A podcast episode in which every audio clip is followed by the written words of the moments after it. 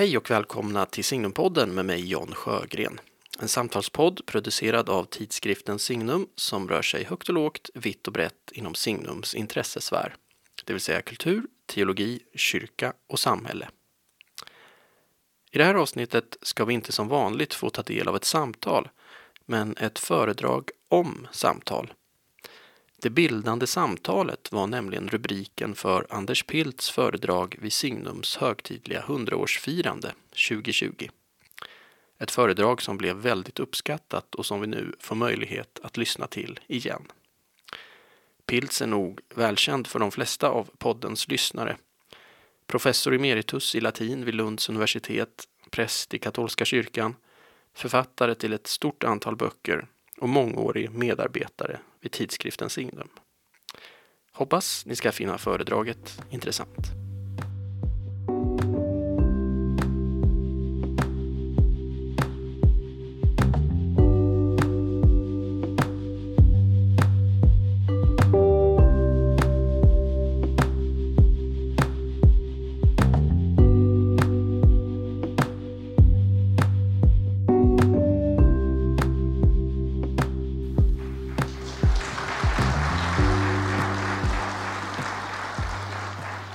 Chefredaktör, kära Signumvänner. I begynnelsen var utropstecknet punkten och frågetecknet.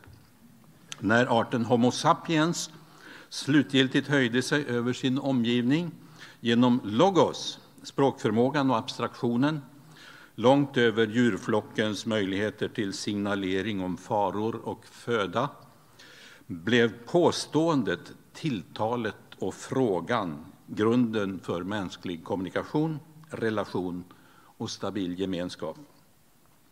Evolutionen är ju inte bara survival of the fittest. Minst lika viktig för överlevnadschanserna är samverkan och samförstånd.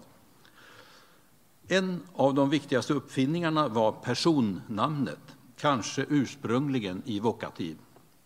Tilltalet, överföringen på en annan individ av samhörighet i vädjan, vänskap eller aggression när individerna inte längre måste ägna all tid och kraft åt näringsanskaffning och försvar, då uppstod kulturen. Munnen blev ledig för samtal. Och människan har dessutom eh, den fördelen att hon går upprätt på två ben. För antikens människor var denna ställning beviset på hennes särställning genom ratio et oratio, förnuft och talförmåga som Guds ställföreträdare. En gåva såväl som en uppgift. Böjda till jorden går övriga djur med blickarna nedåt. Människan gav han högrest gestalt och upprätt och värdig är hennes gång, hennes ansikte riktat mot himlen. Ja, det var en hedning som sa det där, Ovidius, i sina metamorfoser. Med blicken mot himlen, det betyder överblick, uppsikt utåt, utsikt uppåt och därmed häpnad. Blicken höjdes mot horisonten och himlen och Homo sapiens började ställa frågor om sin plats i universum. Filosofi börjar med häpnad, förundran. På grund av förundran, så säger Aristoteles, började en gång människorna filosofera och gör så fortfarande till en början av undran över närliggande oklarheter, så småningom stegvis vidare till frågor om större ting, om månens faser, solen och stjärnorna och om alltings ursprung. Den som häpnar och förundras inser sin okunnighet. Den som älskar myter är därför också ett slags filosof eftersom myten består av häpnadsväckande ting början av metafysiken, Aristoteles alltså. Hänger allting samman, ljusen på himlen och ödets skiftningar? Bildar slumpen mönster? Finns det en plan som vi ännu inte förstår? Vi kan spekulera om vad folk före historien språkade om runt elden i grottan när de hade ätit sig mätta men ännu inte var mogna för nattvilan. Rimligen bedrev de bildande samtal de yngre och oerfarna lyssnade till de äldre och ärrade. som kunde berätta både om vad deras föräldrar och förfäder hade traderat om gångna tider och svara på frågor om hur man bäst jagar bytet och lurar kon konkurrenterna och om alltings ursprung och mål. Var de äldre kloka nog, då tog de frågorna från de yngre på allvar. Frågorna var alltid fler än svaren. Och så är det ännu. Ju fler svar, desto fler nya frågor. Den som undrar inser sin okunnighet. Det bildande samtalet är ämnet för detta firande av Credo Signums hundraårsdag. Låt oss ta orden i tur och ordning. Bildning, vad är det? Torsten Kälvemark, en högt bildad människa, skrev i en text från Högskoleverket 2011 med bildning förhåller det sig ungefär som med Grönköpings Veckoblads gamla definition av Kants filosofiska begrepp das Ding an sich. Ett i luften, fritt svävande ingenting, fast upp och nervänt och något mindre. Alla vet att begreppet är mångtydigt och svårfångat. Ändå känner vi igen en bildad person när vi ser en, säger Kälvemark. Jag skulle tillägga att det genast hörs på språket. Det är rikt och har ekon av andras erfarenheter och formuleringar. Det sitter inte fast i nuets trånga grepp. Tänk på att det inte är alldeles lätt att översätta begreppet till engelska. Det är betecknande att termen Bildungsroman, en skildring av en persons andliga uppväxt, lämnas oöversatt av Oxford English Dictionary. Vad ska man välja? Education? Ja, det täcker en del, men inte allt. En bildad människa är ju, menar vi, mer än välutbildad, mer än sina akademiska betyg, mer än vinnare i frågesport. Hon är allmänt beläst, inte nödvändigtvis akademiker, som, eh, men med perspektiv på mångahanda, med erfarenhet och urskiljning, kan uttrycka sig, är civiliserad i sällskapslivet, behärskad, artig, förolämpar ingen, stoppar inte bordskniven i munnen. Culture, good manners, breeding, refinement. Inget enskilt engelskt begrepp täcker allt det vi menar med bildning. Kanske kommer man närmast med det sammansatta begreppet liberal education, alltså den formation som anstår en fri människa. Ordet bildning är förstås inlånat från tyskans Bildung.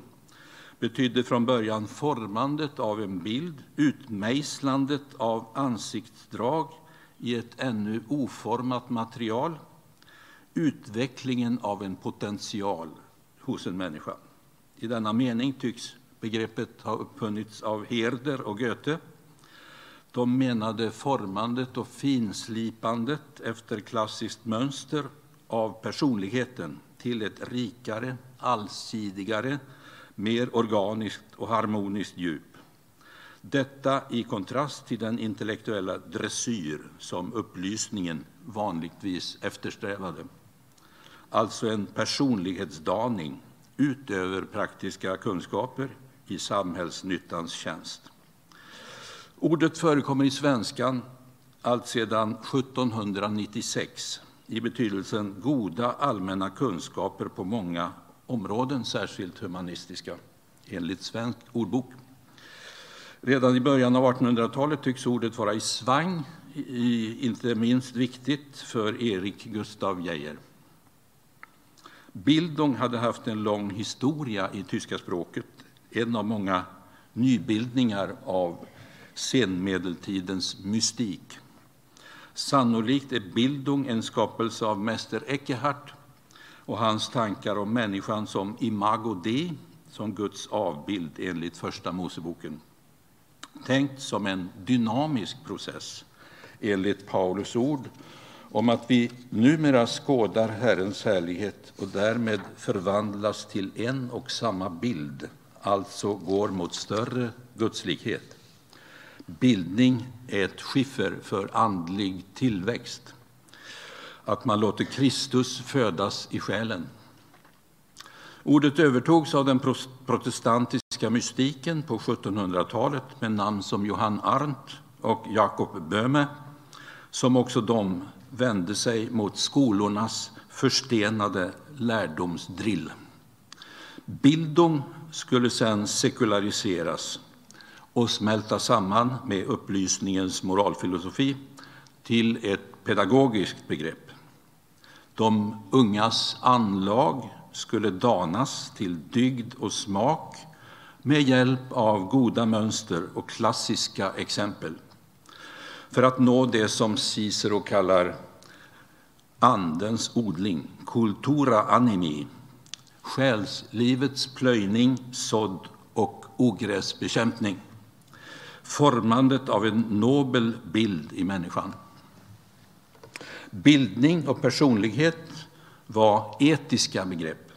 Idealet hade sammanfattats av den första renässanshumanisten, 1300-talsmänniskan Petrarca. Han säger så här, det är den lärdes plikt att läsa vad de första människorna skrev och skriva vad de sista människorna kan komma att läsa.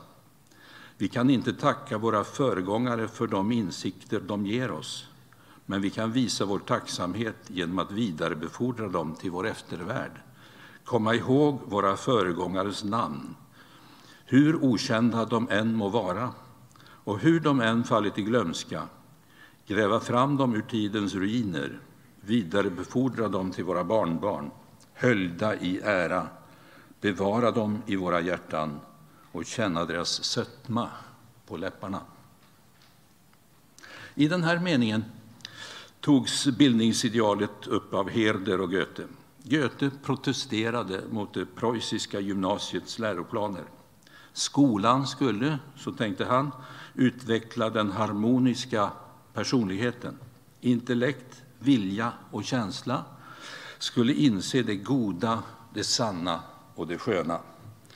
Detta framlockas bäst genom studiet av de gamla grekerna där eleven konfronterar sin egen personlighet med den grekiska anden och med skepsis betraktar den praktiska nyttan. Med Wilhelm von Humboldt i början av 1800-talet, mannen bakom den moderna universitetsmodellen, alltså där forskning och undervisning bedrivs av samma personer, så blir bildning ett politiskt lösenord. Bildning frikopplad från praktisk nytta. Under hans ledning grundades också det nya gymnasiet. Bilda dig själv, och först därefter kommer detta påverka andra med vad du är, så säger Humboldt. Allmänbildning, utbildning av anlag och möjligheter, strävan att bli ett andligt originalexemplar, ingen kopia. Detta skulle vara övergripande mål för skola och universitet. All bildning har sin grund i själens innersta och utbildningen kan bara locka fram detta, inte åstadkomma det. Att bilda sig blir människans huvuduppgift, människans syfte i människan. Och detta inte som medel för att åstadkomma något annat. Det opraktiska är det i längden enda praktiska. Ja, det sa inte Humboldt, men han tänkte det. I Tyskland, England och Skandinavien hade antikintresset blomstrat upp kring sekelskiftet 1800. Man kallar det nyhumanismen i anknytning till renässanshumanismen. Goethe, Schiller och Winkelmann, Byron och Wordsworth hade förälskat sig i grekisk konst och poesi och såg där ett sinne för skönhet och proportion som deras egen kultur saknade.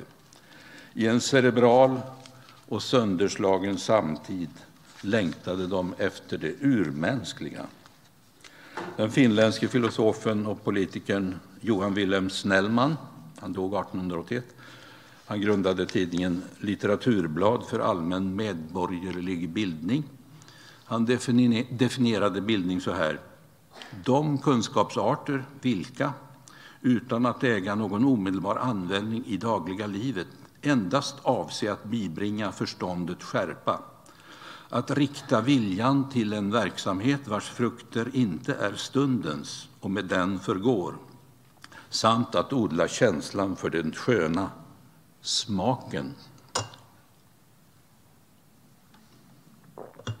På 1800-talet blev så allmänbildning ett privilegium för dem som strävade uppåt i den statliga befordringsgången, en borgerlig statussymbol där herrarna med samma skolbakgrund kunde antyda ett klassiskt citat och räkna med att åhörarna kunde recitera fortsättningen i ett beha en behaglig känsla av elitär gemenskap.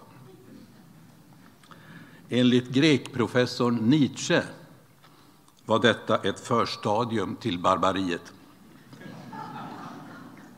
Han tecknade en egen aristokratisk elitär motbild en man som bildar sig själv med hela sin passionerade mänsklighet och är beredd på det vardande och det kommande. Inte en förvaltare av ett föråldrat och kraftlöst tankegods. Detta blev förspelet till futurismen som ville kasta hela bildningslasten över bord och dyrka den råa handlingskraften. Betoningen av den klassiska formalbildningen var alltså inte oemotsagd. Många ropade på praktisk utbildning och moderna språk och naturvetenskap. Denna dialektik har sedan dess upprätthållits. Balansen mellan generell bildning och yrkesinriktning har diskuterats i drygt 200 år. Å ena sidan ropas på bildning och inte bara utbildning. Å andra sidan hävdas att begreppet är exkluderande. Ett exempel i vårt eget land var striden om latinherraväldet. Latinet var ännu på 1800-talet i hela Europa det viktigaste skolämnet för eliten. Inte längre de lärdes lingua franca, men fortfarande ett klassmärke hos dem som gått i läroverket. Den latinska grammatikens regelfasta och välordnade system skärpte sinnet för logik och bidrog till arbetslusten, tänkte man. Inte helt orätt. I Sverige deltog Strindberg och Adolf Hedin i striden om latinplugget, eller snarare mot latinplugget i gymnasiet som omgav eleverna med en kinesisk mur med utsikt endast åt gården som Hedin skrev. I Strindbergs kammarspel Påsk kommer den lille Elis förtvivlad hem efter en latinskrivning och säger Jag skrev ut med indikativus fast jag visste att det skulle vara konjunktivus. Och hans bror utbrister Men då är du förlorad. Fram till 1904 måste alla studenter pröva in på universitetet med ett översättningsprov i latin, någonting som mer och mer framstod i sin orimlighet, särskilt för latinprofessorerna som rättade proven. Men det visar att bildning och latinbehärskning var synonymer i Västeuropa under mer än tusen år, från Karl den store till 1800-talet.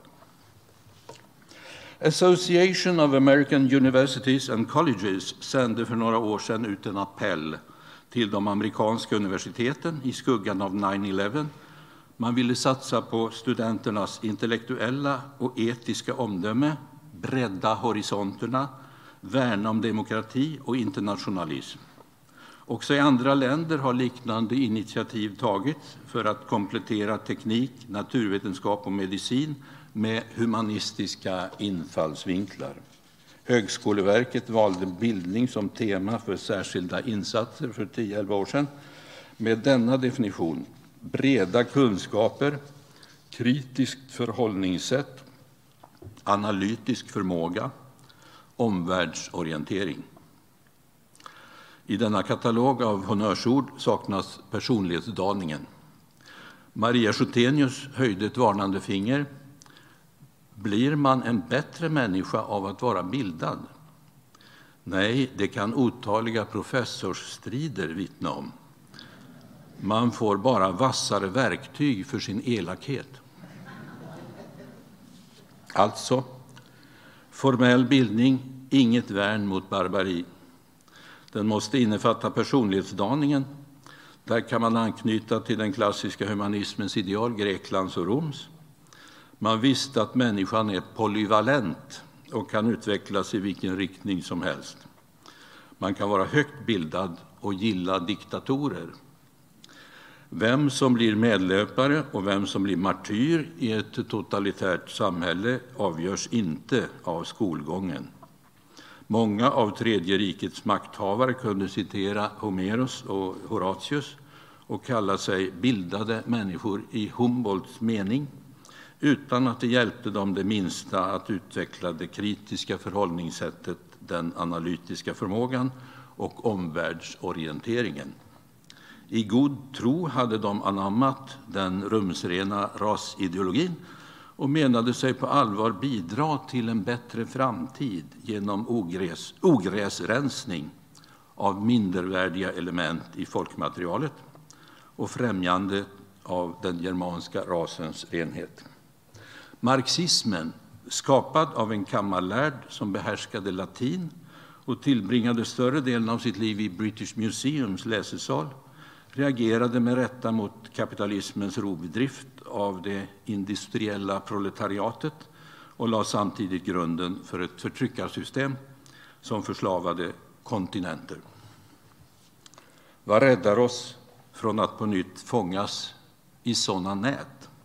Inte internet i varje fall. Otaliga databaser hjälper inte. Själva mängden information förlamar. Man står inför en omätlig ocean av uppgifter, pålitliga eller förrädiska.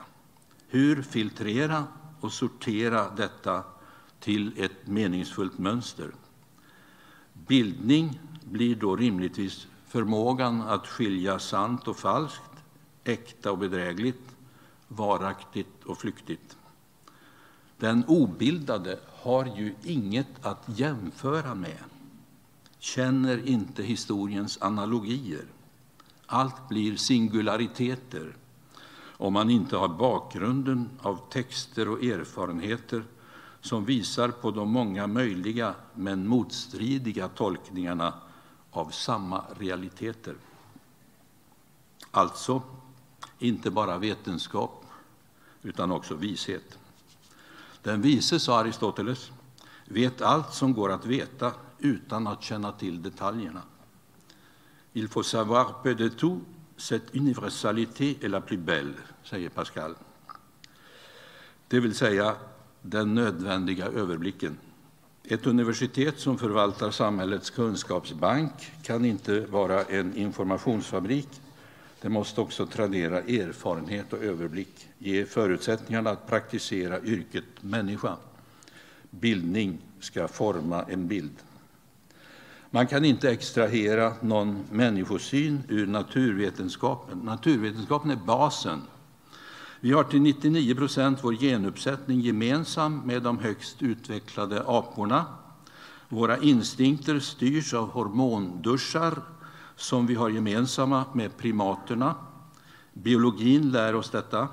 Det förklarar anfalls och flyktimpulser, att vi söker en partner som bäst kan föra våra gener vidare att män jobbar hårdare när de blir pappor, att vi känner instinktivt obehag när en främling korsar vår gräsmatta. Men biologin hjälper inte när vi konfronteras med ondskan. Insikter om ansvarighet och skuld måste hämtas någon annanstans ifrån. Man kan inte göra etik och ideologi av naturvetenskap utan att göra ett metodologiskt språng utan att ta vägen över en metavetenskaplig teori som inte hämtar sina argument från vetenskapen. Det existerar materialistiska, reduktionistiska och spiritualistiska läsningar av samma biologiska fakta. Fakta är mångtydiga. De måste tydas genom ett filosofiskt och teologiskt resonemang. Evolutionen har i människan hunnit upp sig själv och tvingat fram frågor som inte besvärar något djur. Människans speciella kännemärke, att vara person, kan inte adekvat beskrivas bara som hjärna och medvetande. lika lite som en dikt kan beskrivas som en bokstavssekvens på ett papper. Bildning kunde, tror jag, beskrivas som den klassiska humanismens ideal. Att gentemot provinsialism och slutna system genom umgänget med världslitteraturens, trons och filosofins stora texter, helst på originalspråken, berika sitt eget språk och bli hemma i världen. Bildning är alltså personlighetsdaning med ett urmodigt men adekvat uttryck. I anknytning till kardinaldygderna rättskänsla, klokhet, mod och måtta. Bildning är att inte sluta sig för någon mänsklig erfarenhet, vem som än har gjort den, eller någon sanning, vem som än har formulerat den. Varje tid är egendomligt blind för vissa sanningar och först följande generationer upptäcker dessa blinda fläckar och tappar i gengäld bort något annat på vägen. Bildning är att inte försumma någon viktig historisk erfarenhet, att veta hur olika samma saker kan tolkas och hur annorlunda man har inrättat sig i samma biologiska verklighet. Att ansluta sig till pyronikernas epoché, att vänta med slutomdömet tills man har tillräckligt underlag. Att inte sluta sig för det främmande och störande, inte vara rädd för att bli motsagd. Bort från den trygga enfalden, där den sunda satiren har sin hemvist. Också ett humanistiskt arv att förvalta.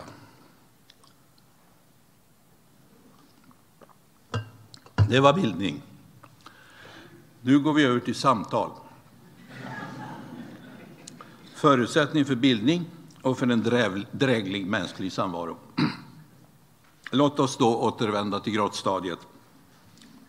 Samvaron kring elden på kvällarna när de fysiska behoven blivit tillfredsställda och vården av det kollektiva minnet odlades.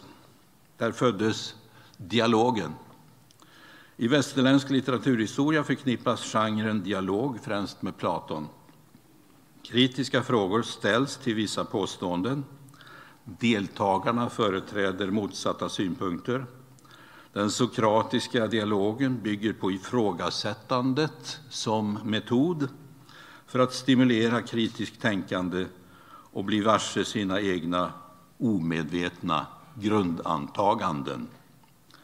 Hjälten i de platonska dialogerna är oftast Sokrates som själv påstod att han var okunnig men till skillnad från andra visste om sin okunnighet.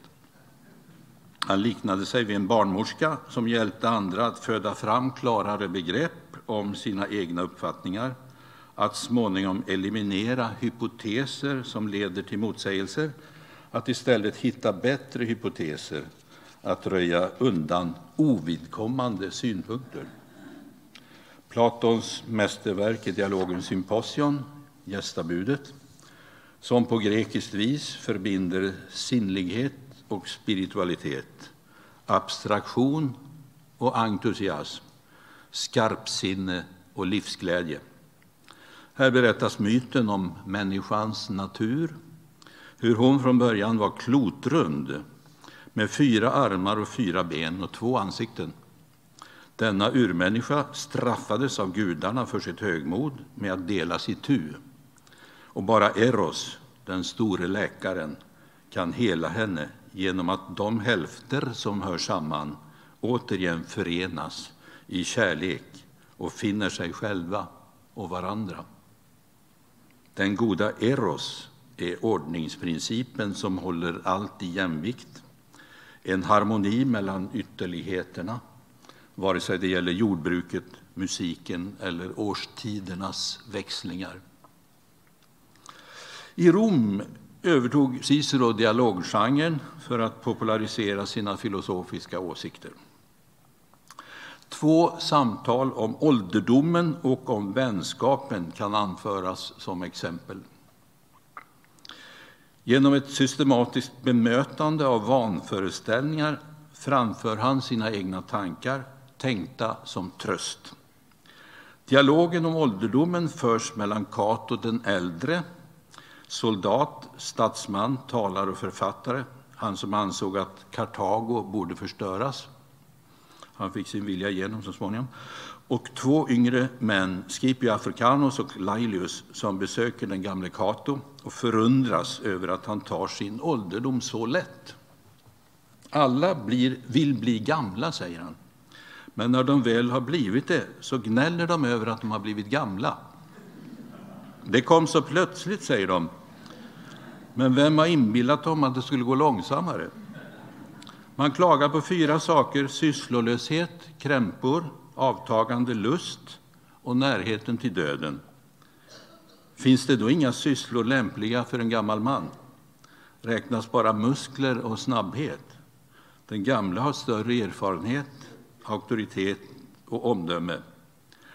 Ska man sörja sin förlorade ungdom, då ska 20-åringar sörja sin förlorade pubertet och tonåringarna sin barndom.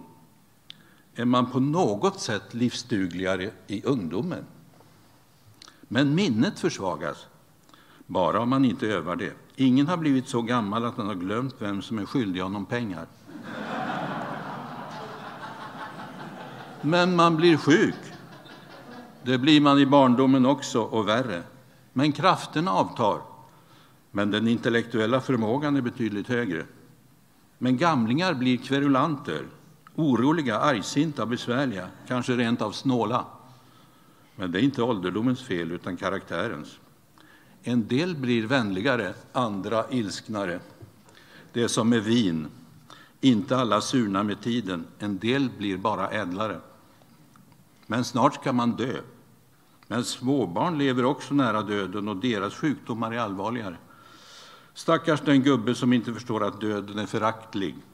Antingen släcks medvetandet, och vad finns det då att oroa sig för? Eller också får man evigt liv, något tredje gives icke. Men njutningarna klingar av. Men detta är ålderdomens ovanskliga ära. Den eliminerar det som man i ungdomen måste skämmas för allra mest. Brotten begås i ungdomen, då härskar lustarna. När man blir gammal avtar lockelsens kittlingar, liksom ärelystnaden, stridslusten och behovet att skaffa ovänner. Kan man inte behärska sina impulser med förnuftet måste man vara tacksam mot ålderdomen som berövar en förmågan att leva ut dem. Och vad förbjuder en gammal att njuta måttliga nöjen på rätt plats? Nej, skaffa ett nytt projekt. En lång rad män har först som pensionärer gjort sånt som de blivit ihågkomna för. På liknande sätt får Laelius, militär och vältalare, han föddes 186 f.Kr., det är alltså en fingerad såklart eh, dialog detta, för sina vänner Skyvola och Fannius utreda vänskapens väsen. Vänskap är att två människor är överens om vad som är värdefullt och vad som ska undvikas. Livet är skört, Vänskap är det viktigaste, nödvändigt i framgång och motgång. Den gör framgången mer lysande och motgången lättare att fördra. Vänskap kan bara existera mellan människor med integritet. Verklig vänskap kan bara finnas mellan två eller några få människor. Därför skall man inte inleda vänskap alltför brådstörtat. Säg det på Facebook. Vänskapens fiender är girighet och ärelystnad. Äkta vänskap rostar inte. Vänner emellan kan man vara uppriktig och kritisk. I nöden prövas vännen. Amicus certus in re incerta cernitur, som gamle Ennius hade sagt ännu många hundra år dessförinnan. Och vi ska förstås inte glömma den judiska traditionen av skrifttolkning i olika skolor och riktningar. Kanoniska texter är aldrig så klara som den troende skulle önska sig. I Talmud, tolkningstraditionen, finns de skriftlärdas diskussioner och åsikter förtecknade. I den, in i den diskussionstraditionen föddes Jesus. En stor del av hans undervisning förs i dialogens form, inte minst i Johannesevangeliet där de enfaldiga, alltför endimensionella frågorna ger mästaren tillfälle att fördjupa. Det vore en intressant forskningsuppgift att räkna frågetecknen i evangelierna. Det är lätt gjort numera. Den medeltida filosofen Pierre Abelard hänvisade till Jesus, att han genom att ställa frågor som tolvåring föregick med gott exempel innan han själv trädde fram som auktoritet. Innan man kommer med svaren måste man först veta hur frågorna lyder. Långt senare blev David Hume berömd för sina dialogues concerning natural religion. Ännu senare odlades genren av författare som Edith Stein i en dialog mellan Edward Husserl och Thomas av Aquino och Iris Murdoch, Akastos, Two Platonic Dialogues 1986. Och Umberto Eco förde dialoger med en lång rad intellektuella, inklusive Carlo Maria Martini, jesuit, exeget och papabel kardinal i Milano. En sant platonsk dialog har publicerats för första gången i Credo 1971, nummer 3. Filosofen Lekard Johannesson, författare bland annat till 40-talet och idéerna, han återger i sin essä Uppbrott och ankomst ett nyfunnet handskriftsfragment. En okänd dialog mellan tre vänner i Aten år 529 året då Platons akademi stängdes och Benedictus kloster på Monte Cassino öppnades. En av de samtalande har hört till akademin och ska nu istället ansluta sig till klostret. Och de tre männen som förenades av vänskap trots skilda meningar och livsinriktningar i ett högeligen bildande samtal får företräda det platonska, det aristoteliska och det kristna. Kort sagt, det västerländska arvet. För andra Vatikankonciliet 62-65 blev dialog ett nyckelord. Kyrkan ska föra en dialog med andra kristna, med det moderna samhället och med de politiska myndigheterna och kan inte nöja sig med att formulera sanningar och ställa krav på att andra ska anamma dem utan diskussion. Från fyrbåk till ficklampa, som påven Franciscus sammanfattar uppgiften. Problemet med fyrbåken är att folk befinner sig någon annanstans. Platon formulerade alltså reglerna för dialektiken, konsten att tillsammans söka sanningen genom att uppställa påståenden som sedan utsattes för invändningar. Utgångspunkten är en aporia, ett ord som betyder väglöst land, rådvillhet, fråga utan givna svar. Där sakkunskapen inte är enig, där man småningom banar sig väg och når en personlig uppfattning om en tillfredsställande lösning. Evporia. Metoden ställer höga krav på deltagarna. Det gäller att inte bara känna och tycka, man måste tänka och uttrycka sig klart och utan självmotsägelser, kunna klart definiera vad man själv menar och återge andras åsikter korrekt. Platons lärjunge Aristoteles uppställde ett program för forskning, politik och för ett liv när han säger det är välgörande att ställa sig frågande inför varje detalj. I samhällslivet innebär detta ett klimat av respekt där det är tillåtet att anmäla avvikande åsikt utan att häcklas för att tillhöra fel läger, ha en skum agenda eller vara idiot. Ingen politisk instans får stå över kritisk prövning. Konspirationsteorier, fanatism och fundamentalism göre sig icke besvär. Effektiv spärr mot fanatismen är humorn påpekade Cicero. Ordet humor uppfanns i nuvarande betydelse 1565, men saken fanns lyckligtvis redan tidigare. Humor var en icke oväsentlig del av det romerska humanitas-idealet. Senatorn Crassus ägde en sån humanitas att hans skämtlynne genast skingrade det intensiva obehag som ruvar kring varje politiker. Sammanträden i senaten blev behagliga som lantliga middagar om han var med. Quintilianus, retorikprofessorn, död 95 eh, i vår tidräkning, har en hel liten avhandling om humorns plats i en talekonst som vill nå sitt syfte. Han kallar den urbanitas, men understryker hur svårt det är att teoretisera om den. Den måste alltid rätta sig efter person och situation. Det som är elegant i den enes mun blir bara pinsamt i den andres. Ifrågasättande och debatt är alltså kärnan i det, den sokratiska, eh, i det sokratiska idealet. Aristoteles uppställde regel, reglerna för den dialektiska dispyten. Det är svårare att hitta de rätta frågorna än att hitta de rätta svaren. Ett problem ska framkastas, det är vad ordet problem betyder, förutsättningslöst som en öppen fråga med argument för och emot. Det ska inte finnas något givet facit. Tidigare lösningsförsök redovisas, om sådana finns, innan man framför sina egna argument, inklusive den kritik som kan riktas mot dem. Detta att man anför argument mot sina egna argument, det avväpnar motståndaren som då förstår att man tänker föra en renhårig diskussion. En hypotes kan inte accepteras förrän dess motargument är vederlagda. När man inte förstår den andra ska man påpeka det. Om termer är flertydiga ska det utredas.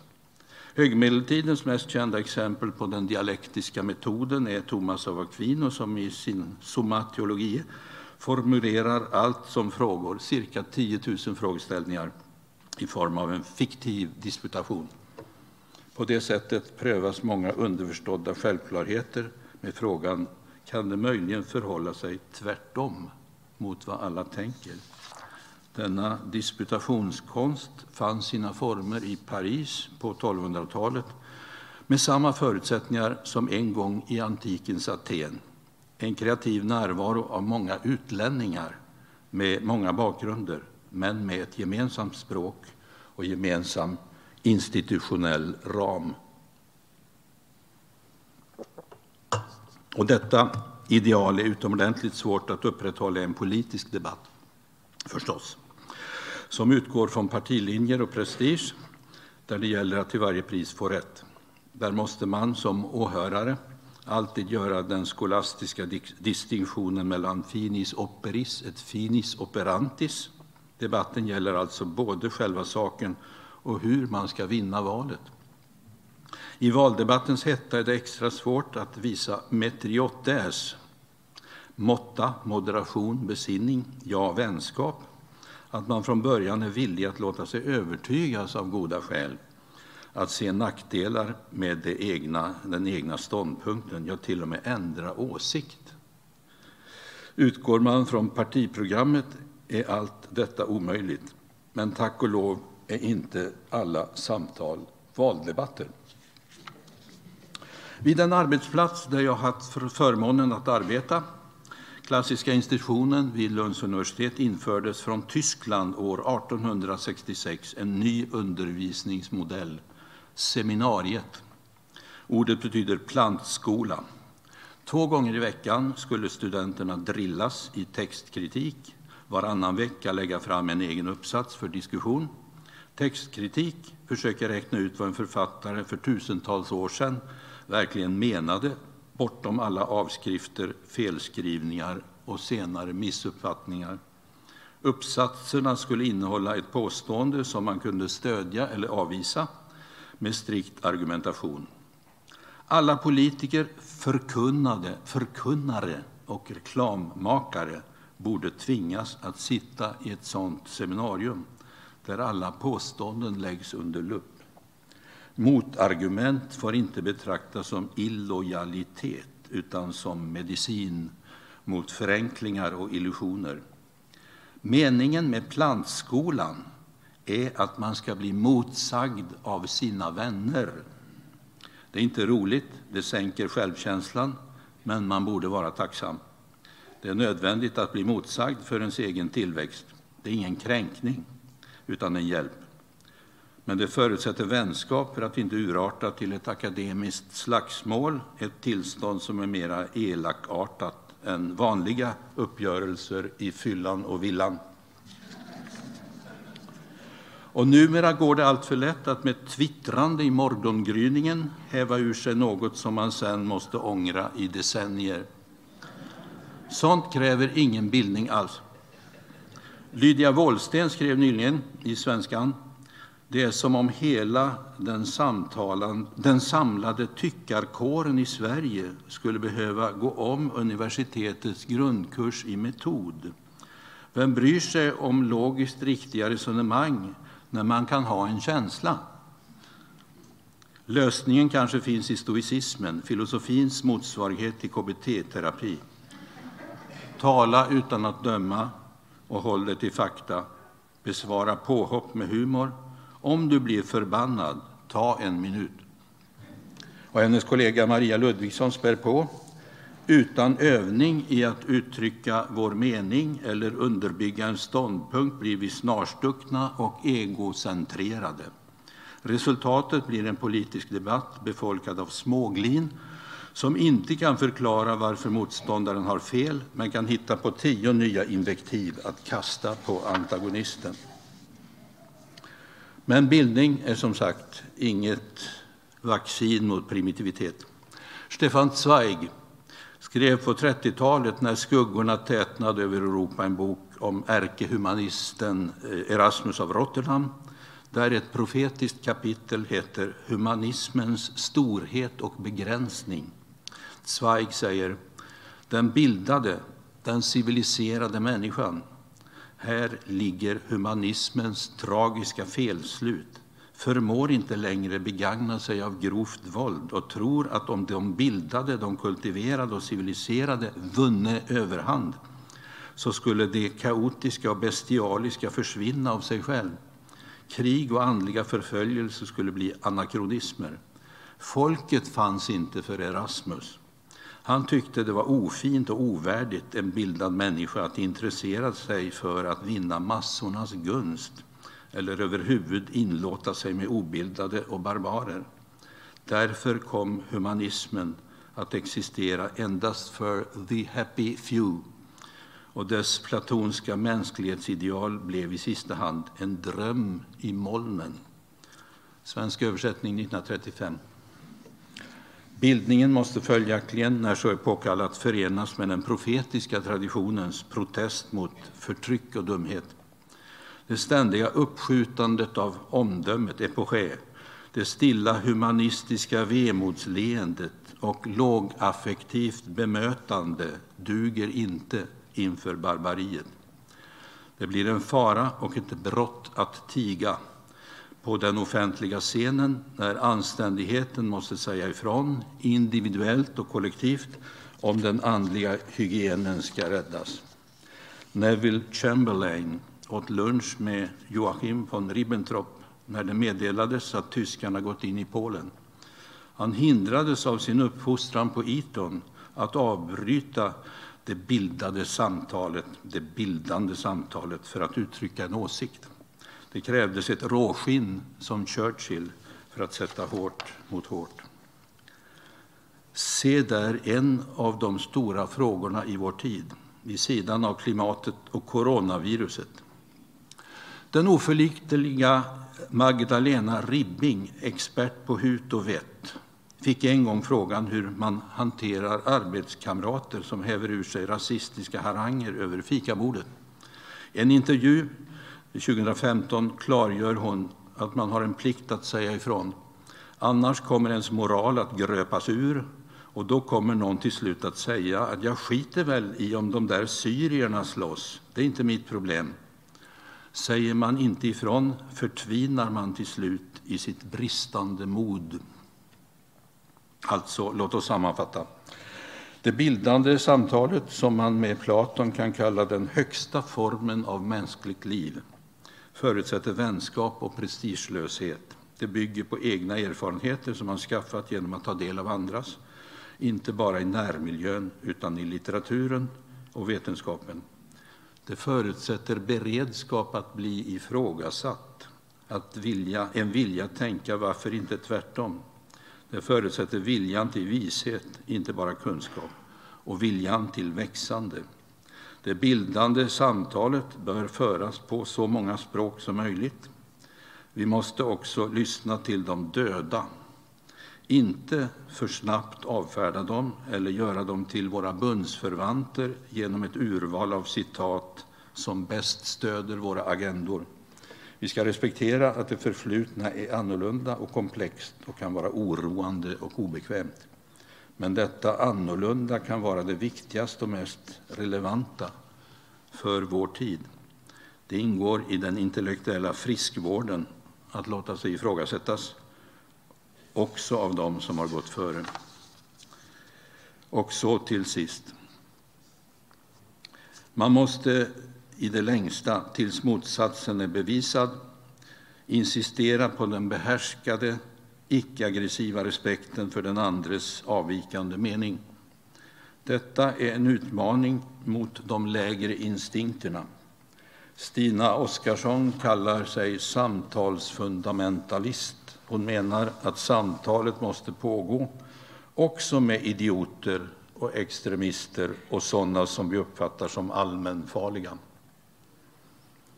Eli Saslavs bok Rising out of hatred 2018 skildrar hur en ung vit maktrasist från Ku Klux Klan-miljö blir omvänd genom att inte mobbas ut och avvisas från det universitet där han studerade. Han tackar dem som när jag talade om mina övertygelser var tydliga med att de tyckte att jag hade fel och tog sig tid att förse, sig med, förse mig med argument och bevis. Detta kan ses som en variant av de retoriska råd som ges i den heliga skrift, i Jakobs brev. Varje människa ska vara snar att höra, sen att tala, sen till vrede. Ty en människas vrede åstadkommer inte det som är rättfärdigt. Och med detta sagt ska jag nu respektera ett annat retoriskt råd, denna gång av Jesus själv. Varje onyttigt ord som människorna yttrar ska de få svara för på domens dag. Dixie.